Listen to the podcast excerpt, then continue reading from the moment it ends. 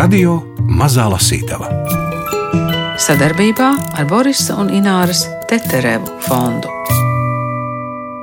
Nebūtu labi notašķīt asinīm paklājas un mēbeles, tāpēc izlaidu to durto brūci no nogalēt komandoru, paņēmu tikai komandoru. Tas, lūk, esmu es. Ja jums vajag mani saukt vārdā, tad sauciet mani par komandoru. Haruki Murakami ir pazīstamākais mūsdienu japāņu rakstnieks pasaulē, arī Latvijā.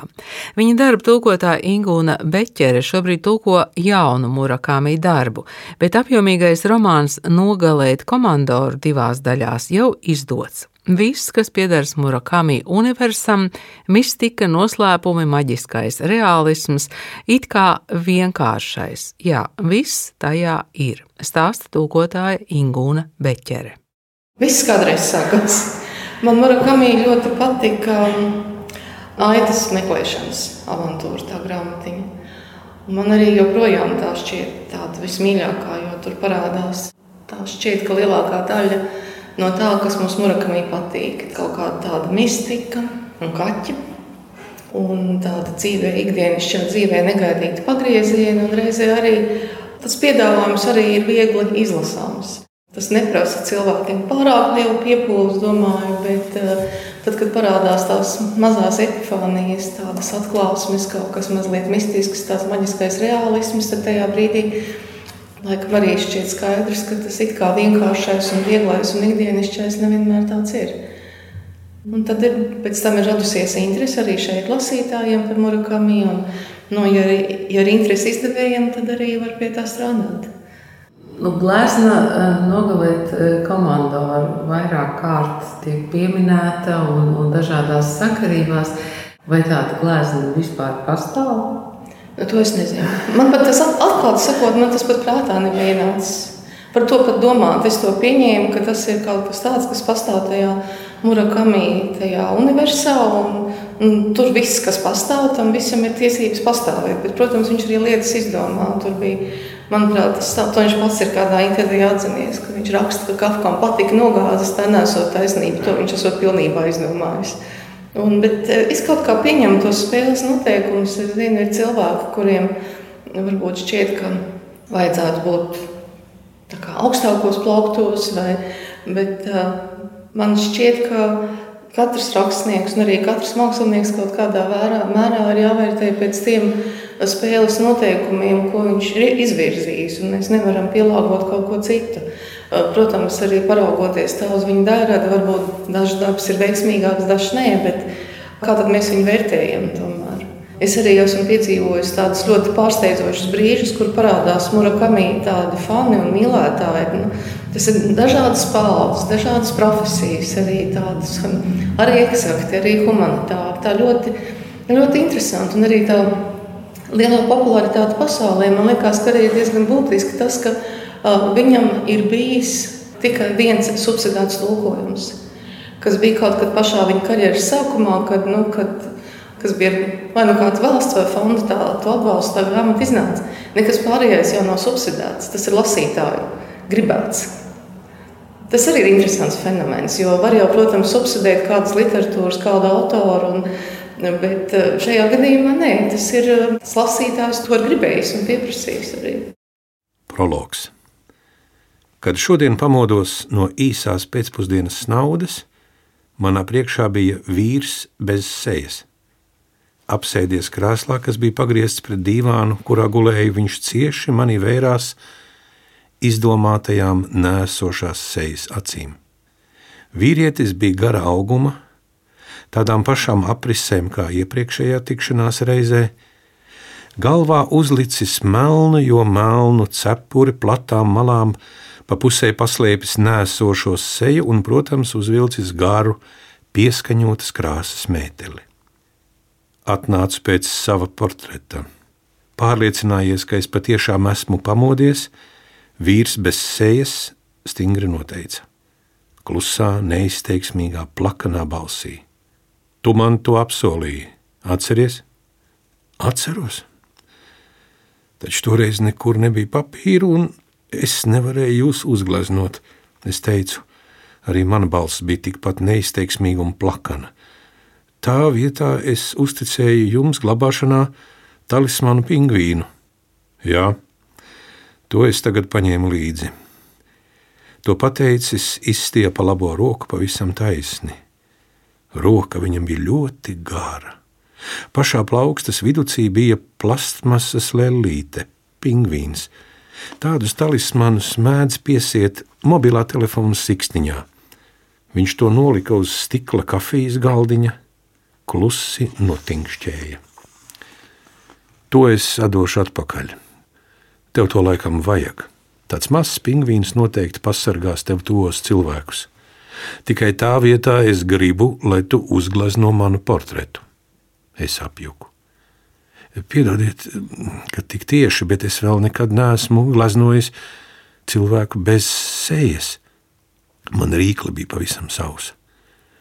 Runātu esot izcils portretists. Tad vēl viss kaut kad notiek pirmo reizi. Vīrs bez sejas sacīja. To pateicis, pasmējās. Nu, es pieņemu, ka pasmējās. Tā smiekliem līdzīgā skaņa nāca kā tukša vēja nesta no pašiem alas dziļumiem.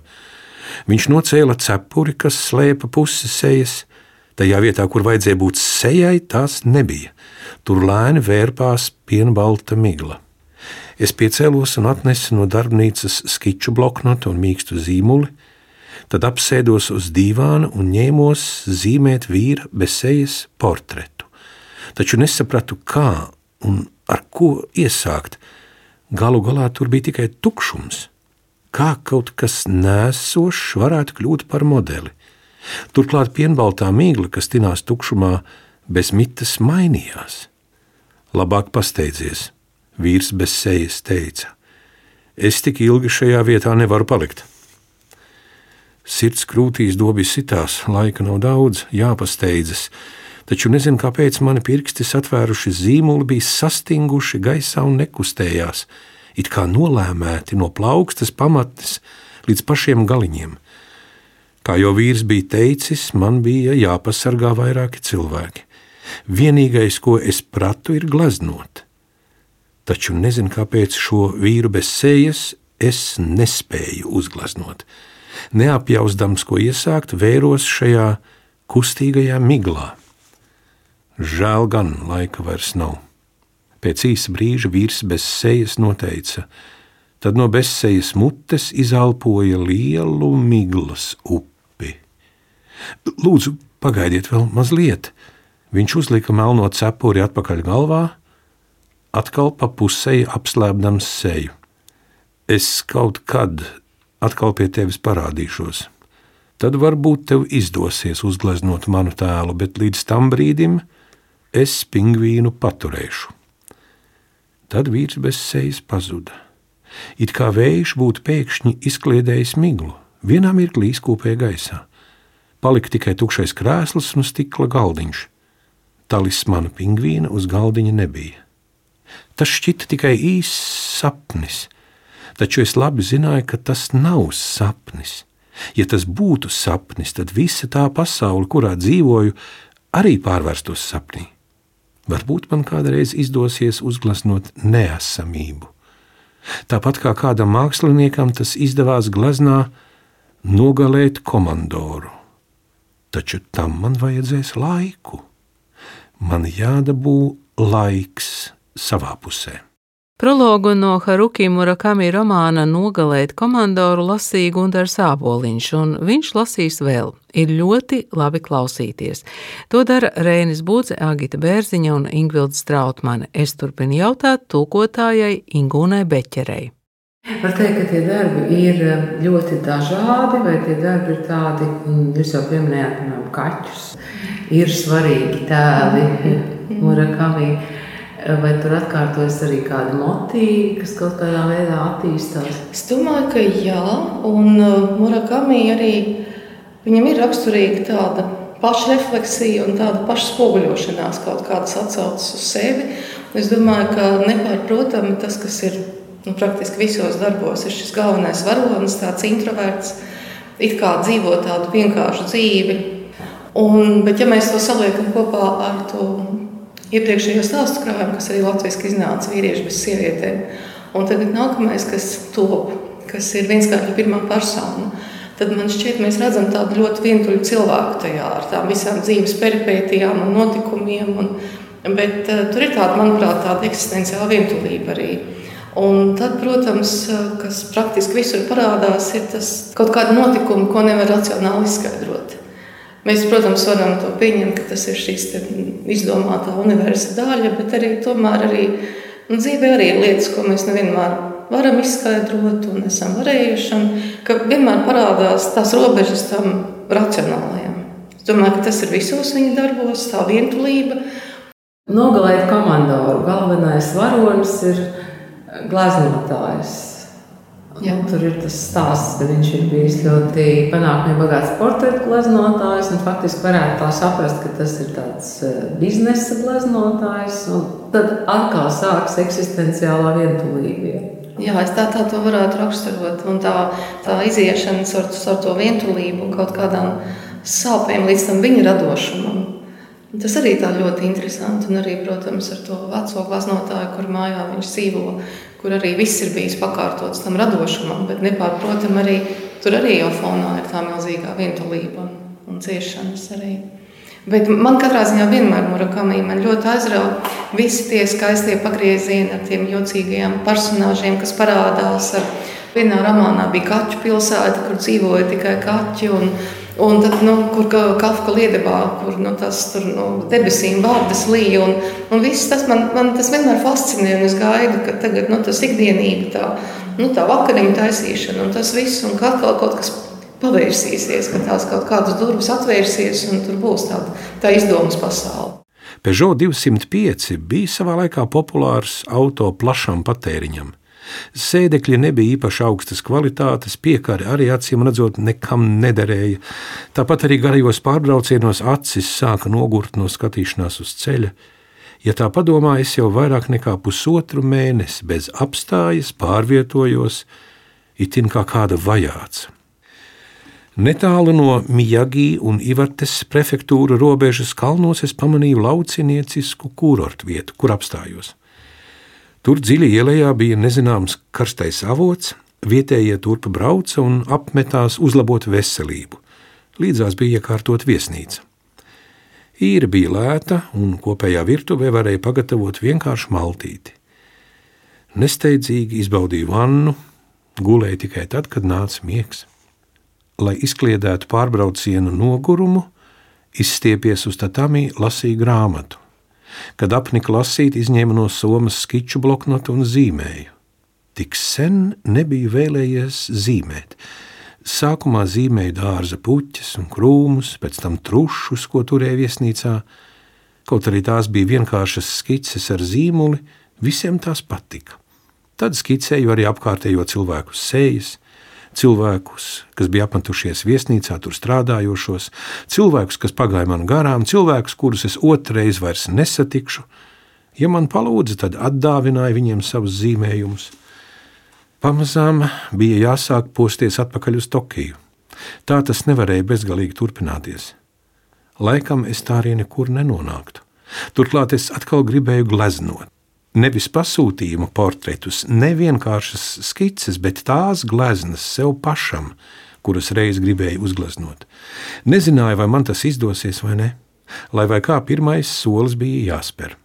Biju nodomājusi ar šo pašu Peugeot doties pa maģistrāli cauri Tohoku atpakaļ uz Tokiju.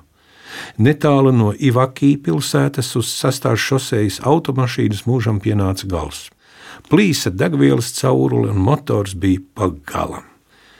Es nekādu tehnisko aprūpi nebiju veicis, tā ka žēloties nevarēju. Par laimi vieta, kur mašīna apstājās, bija netālu no draudzīga automehāniķa darbnīcas. Tik veca Peugeot modeļa rezerves daļas viņam nesot viegli dabūt, un uz tām arī vajadzēšot gaidīt. Mehāniķis arī teica, pat ja šoreiz auto saremontētu, drīz vien kāda ķibele piemeklētu kādu citu daļu ventilātoru siksnu, bremžu uzlikas, arī tās bija nobrauktas, arī piekara drabot. Es nedomāju neko sliktu, bet to tagad vajadzētu iemicināt. Murakami vai ir svarīgi saprast tās eh, reālās vietas, nu, piemēram, kā viņš tur brauc, ja, tur, kur, kur kalns, kur beidzās vienas prefektūras robežas. Jā, tas ir interesanti, jā, jā, un arī tā visa tā virzība uz ziemeļiem. Es domāju, ka tas no jebkurā autorā ja ir kaut kāda tāda kustība pa teritoriju. Nu, vai tas būtu Murakami vai jebkurš cits, nu, tā, ter tā teritorija un tā geogrāfija un daba arī kaut kādu lomu tur spēlē varbūt mazliet, varbūt arī tāds tā kā scenogrāfija kaut kādā mērā, bet arī tā virzība aizvien vairāk uz ziemeļiem un pēc tam atpakaļ. Un tur ir kaut kāds simbols nosāms. Paskatījos uz modinātāju pulksteni plauktā. Bija tieši divi naktī. Kad pamodos no zvana skaņām, bija 1,35. Pagājušas apmēram 25 minūtes. Tomēr nešķita, ka tik daudz laika aizritējis. Likās ne vairāk par piecām, sešām minūtēm. Laika izjūta kļūsi savāda, vai arī laiks savādi plūst. Samierinājies, nokāpu no sola, nodzēsu darbnīcā gaismu, izgāju no tās un aizvēru durvis.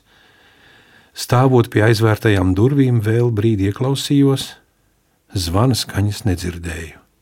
Nedzirdēju neko visapkārt klusums. Dzirdēt klusumu. Un tā nav vārdu spēle. Nomaļos kalnos klusumam ir skaņa. Stāvēdams pie darbnīcas durvīm, brīdi tajā ieklausījos. Tad pamanīju kaut ko neierastu dzīvojamās istabas divānā, kaut ko spilvena vai lelles lielumā. Tomēr neatcerējos, ka būtu tur kaut ko tādu nolicis piemiedzis acis un ieskatījies ciešāk, sapratu, ka tas nav ne spilvens, ne lelle, tas bija mazs, dzīves cilvēks. Apmēram 60 centimetrus garš, šis cilvēciņš bija ģērbies baltās, savādās drēbēs, turklāt ļoti nemierīgi dīdījās, it kā nebūtu pie šīm drēbēm pieradis un tajās justos nērti. Tās drēbes es atcerējos – seno laiku tradicionālais apģērbs. Senajā Japānā tādās terpās augstmaņi. Atcerējos ne tikai drēbes, bet arī šā cilvēka seju. Tas taču ir komandors, es nodomāju. Man sametās augsti. Augstums tika līdz kaulu smadzenēm, it kā dūris lieluma ledus gabals slīdētu man pa muguru uz leju, komandors no Tomohiko Amadas gleznes nogalēt komandoru te, manā mājā. Nē, patiesībā sakot, Tomohiko Amadas mājā sēž uz dīvāna un raugās tieši manī. Šis cilvēciņš izskatījās tieši tā kā gleznā, gan augums, gan seja bija tieši tāda, it kā tikko būtu izkāpis no tās. Kur tā glezna ir šobrīd? centos to atcerēties. Protams, glazna ir viesu guļam istabā, kur bija to nolicis, lai neiekultos nepatikšanās, ja to ieraudzītu cilvēki, kas man apciemo ietīta brūnā, plānā papīrā. Ja šis vīrietis izkāpis no tās gleznas, tad kas tagad noticis ar pašu gleznu? Vai tikai komandora tēls no tās pagaisis? Vai iespējams, ka no gleznas izkāpa tajā uzgleznots tēls? Protams, nav. Nu, nieki to es saprotu lai ko arī kāds domātu. Stāvēja tur kā zemē iemiets, pazaudējis loģisko pavadienu un bezjēdzīgas domas, atkārtojās atkal un atkal, un tikmēr vēroju divānā sēdošo komandoru. Šķita, ka laiks arī apstājies. Kamēr laiks tur nāca un gāja, gaidot, kad mans apjukums rimsies, es tomēr nespēju novērst skatienu no šā savādā, no citas pasaules atnākušā cilvēka. Arī komandors, sēžot dīvānā cieši manī noraudzījās. Es valodu pazaudējis klusēju. Laikam bija pārāk izbrīnīts. Neatrāvis skatienu no tā vīrieša sakniebas lūpas, rāmi elpoju. Neko citu es nespēju. Arī komandors nenovērsa no manis skatienu un klusēja. Lūpas saknieptas pavisam taisnas, Īsās kājas izstiepjas taisnas uz dīvāna, viņš bija atspiedies pret atzveltni, bet galva līdz dīvāna malai nesniedzās. Kājās viņam bija savāda paskata ādas kurpes, šķita tās taisītas no melnas ādas, spiciem uz augšu uzliktiem purniem. Pie jostas viņam bija piestiprināts garš, grezns zobens. Es saku, garš zobens, bet tā garums atbildi viņa augumam. Vērtējot pēc reālā garuma, tas būtu īss zobens, taču tas, protams, var iekļūt par bīstamu ieroci, ja tas ir īsts zobens. Ā, ir, ir gan īsts zobens, komandors sacīja, it kā lasīdams manas domas. Kaut arī augumā viņš bija mazs, balss bija skanīga. Pat ja mazs no dūriena asinis līs. Es aizvien vēl klusēju. Vārdi nenāca pār lūpām. Vispirms iedomājos, redz, šis vīrietis runā. Pēc tam nodomāju, dīvaini gan viņš runā. Tā jau gan parasti cilvēki nerunā. Taču, ja tā padomā, tikko no gleznas izkāpis 60 cm garš vīriņš nav nekāds parastais cilvēks, tāpēc, lai kā viņš runātu, nav par ko brīnīties. Tomohiko Amadas gleznā nogalēt komandoru, man krūtīs ietriekts zobens, mirstu nežēlīgā nāvē. Komandors sacīja, kā jau cienīgiem kungiem zināms, taču tagad viņi ievainots nesmu. Nu, nav taču. Domāju, ka ne man pašam patiktu staigāt apkārt asinīm šļakstoties, nedz arī pieklātos apgrūtināt cienīgos kungus ar to. Nebūtu labi notašķīt asinīm paklājus un mēbeles, tāpēc izlaidu to durto brūci no nogalēt komandoru, paņēmu tikai komandoru. Tas lūk, esmu es. Ja jums vajag mani saukt vārdā, tad sauciet mani par komandoru. Nogalēt komandoru ir episks japāņu rakstnieka Haruki Murakami romāns divās daļās - idejas parādīšanās un gaistošā metāfora. Latviešu valodā to izdevis apgāds zvaigzne ABC, fragmentus lasīja Gundars Āboliņš. Tulkotājai no japāņu valodas Ingūnai Beķerei vēl daži personīgi jautājumi par ceļu līdz japāņu valodai un tulkotāju lomu darbu interpretācijā nonācu es tādu dažādu sakritību rezultātā, jo man, nu, mana pamatizglītība ir angļu filoloģija. Un tajā laikā universitātē bija Pētgara katai, bija fakultatīvais kurs. Tas bija, bet arī pirms tam jau man bija intereses, es gribēju kaut kādu vēl citu valodu mācīties klāt, kas nebūtu, pareizāk sakot, kas būtu ar citādāku rakstību.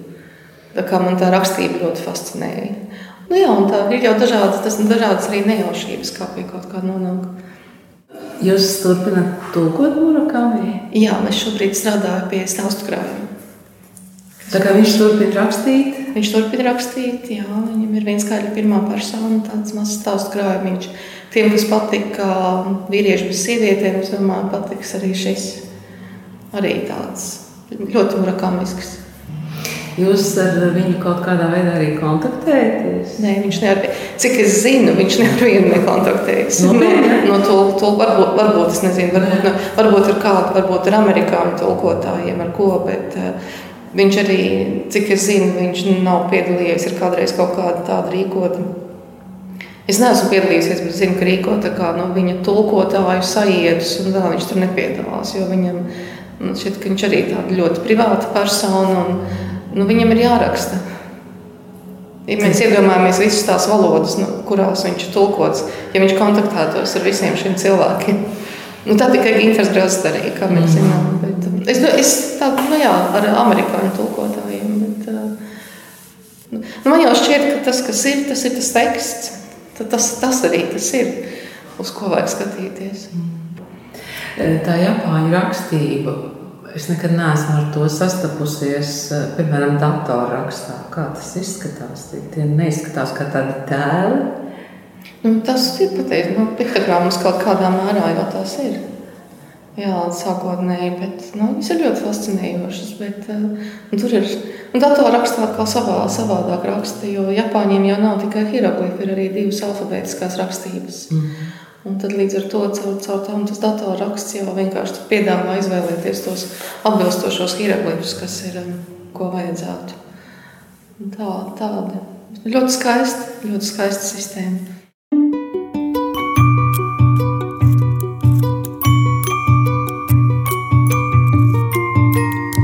Radio Mazā Lasītava sadarbībā ar Borisa un Ināras Teterevu fondu.